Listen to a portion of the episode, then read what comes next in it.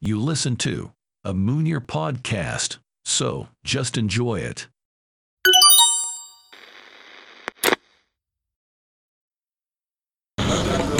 يو ليكيب السلام عليكم ان شاء الله تكونوا كامل بخير آه معكم الحاج منير آه كوم دابيتود بودكاست بدل حياتك اليوم عندنا معنا انفيتي طري سبيسيال اللي هي الأخت العزيزة روزا روزا Salut l'équipe, معكم.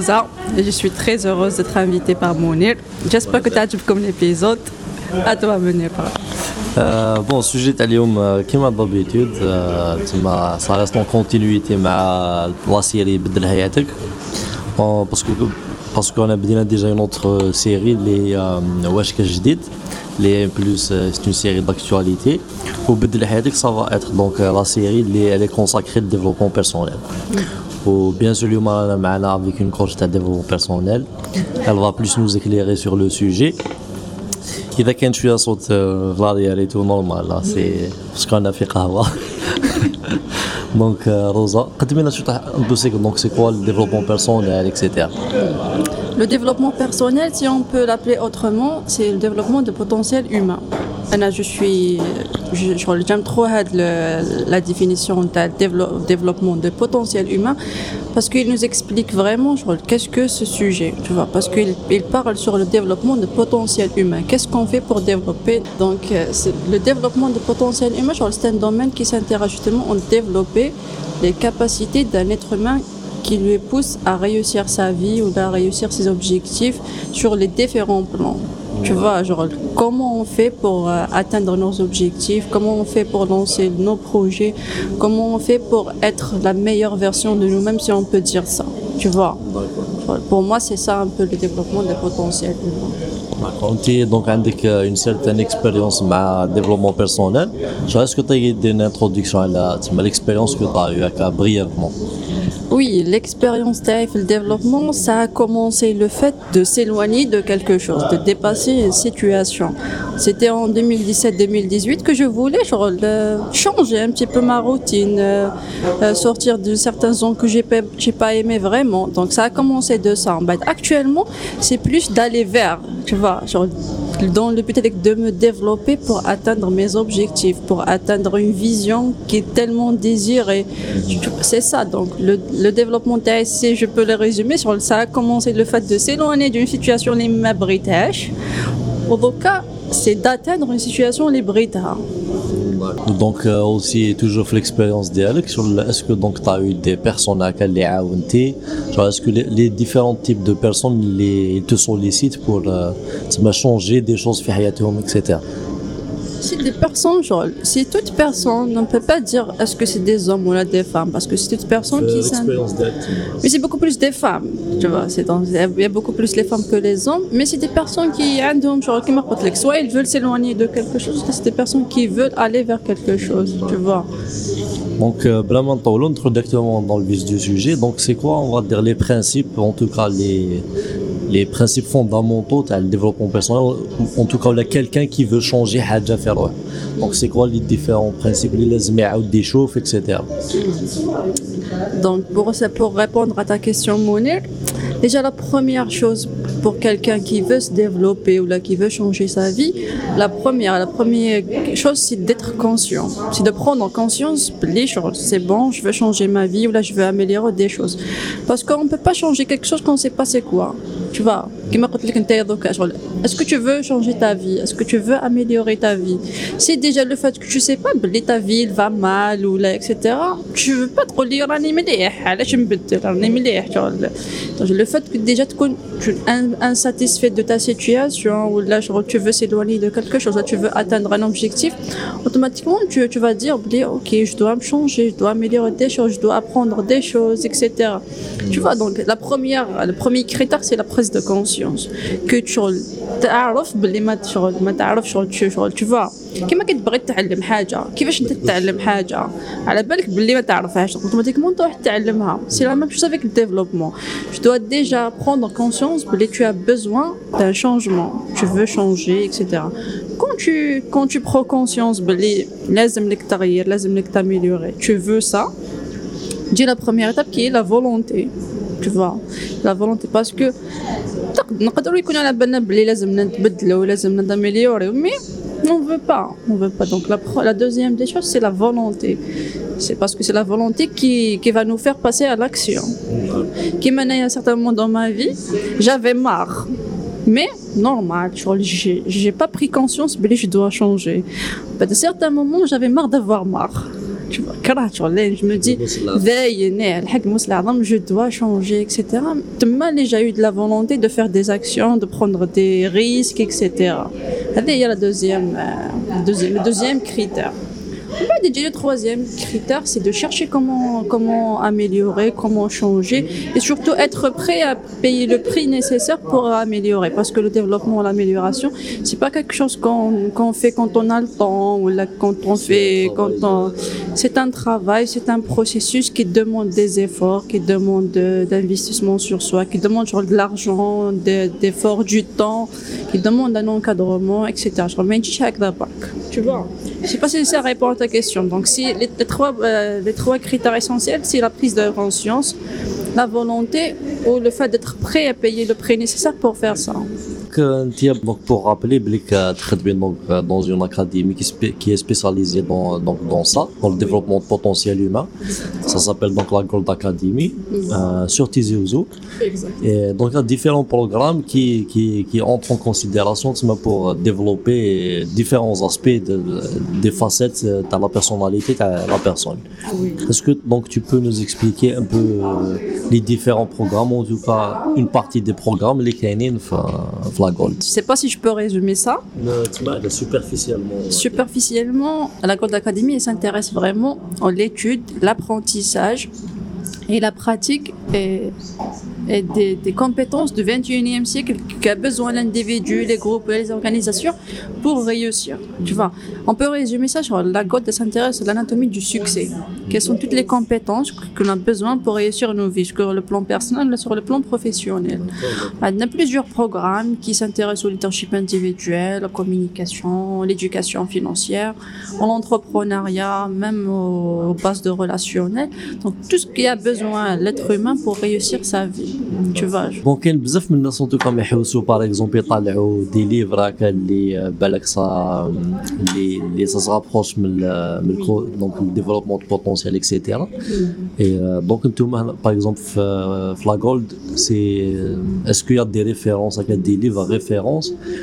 ولا ميم انت تسمى شخصيا دي ليفر ريفيرونس اللي طون ماركي ولا اللي شفتي بليك يعني يساعدوك باش تو فا افونسي وتبدلي شي صوالح في روحك En fait, personnellement, par rapport à un sujet de, de la lecture ou là.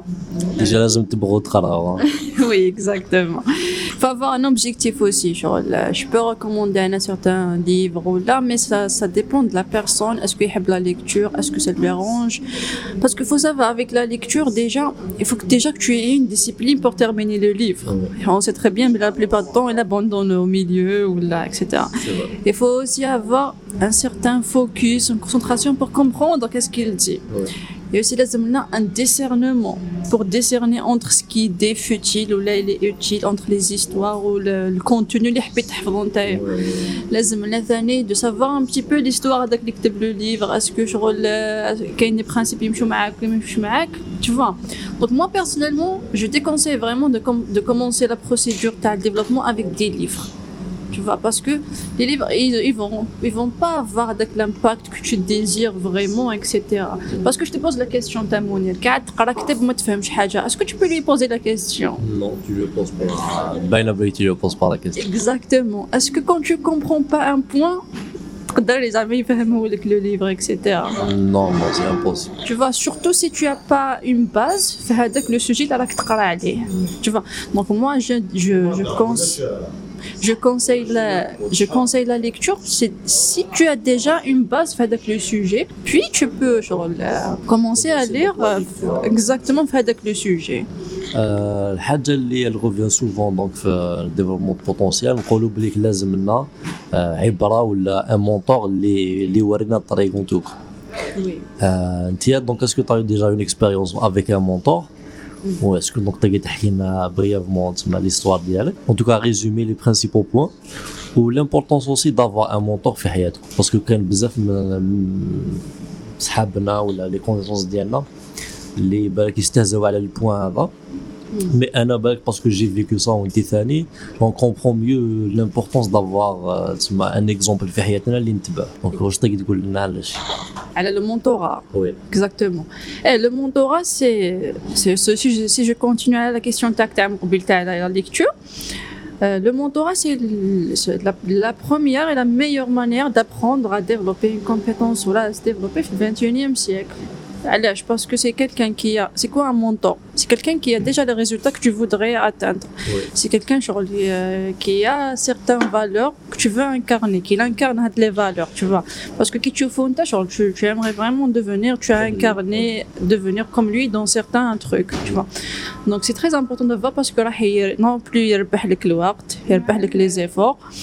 mais il faut juste à côté avoir l'attitude d'un d'un disciple, tu vois. سي كوا لاتيتود دونك دان ديسيبل ولا تاع تاع تلميذ التلميذ آه، هذه بزاف اللي ما يعرفوهاش حنا بزاف كي نروحو نقراو عفسه من ما نعرفوش نقراو اون فغي تشوفا ما نعرفوش نتعلمو نروحو بهذيك تاع ليغو اكسيتيرا مي ان ديسيبل faut être quelqu'un déjà il faut que tu sois enseignable que tu sois prêt à, à pr- appliquer ce qu'il te dit il faut que tu faut que tu, à chaque fois que tu te dis ben, genre, je vais apprendre je connais rien genre يكون عندك هذاك ان ريفلكس quelqu'un d'apprenant يكون عنده un réflexe تاع لا باج بلونش اللي نقولوا له حنايا.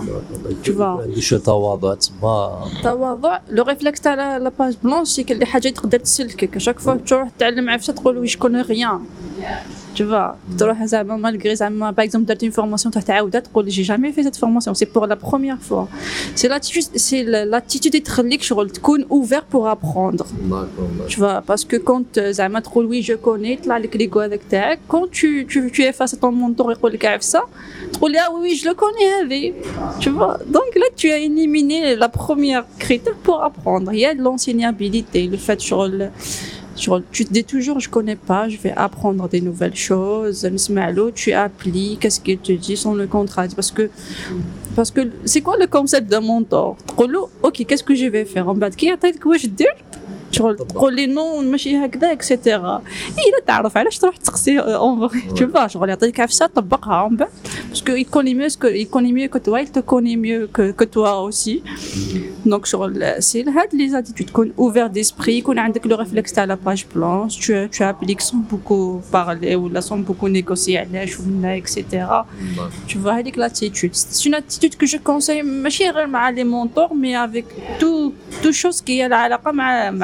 واسمها مع l'apprentissage qui تعلم une langue qui te donne une formation qui te suive un cursus في n'importe quel domaine tu vois Donc, c'est quoi donc, la deuxième étape Donc, je fais la première étape, qui est le mentorat. Euh, donc, euh, donc c'est la, la façon en tout cas la plus directe باش تلحق ال- les objectifs ديالك تربح وقت تربح les efforts etc.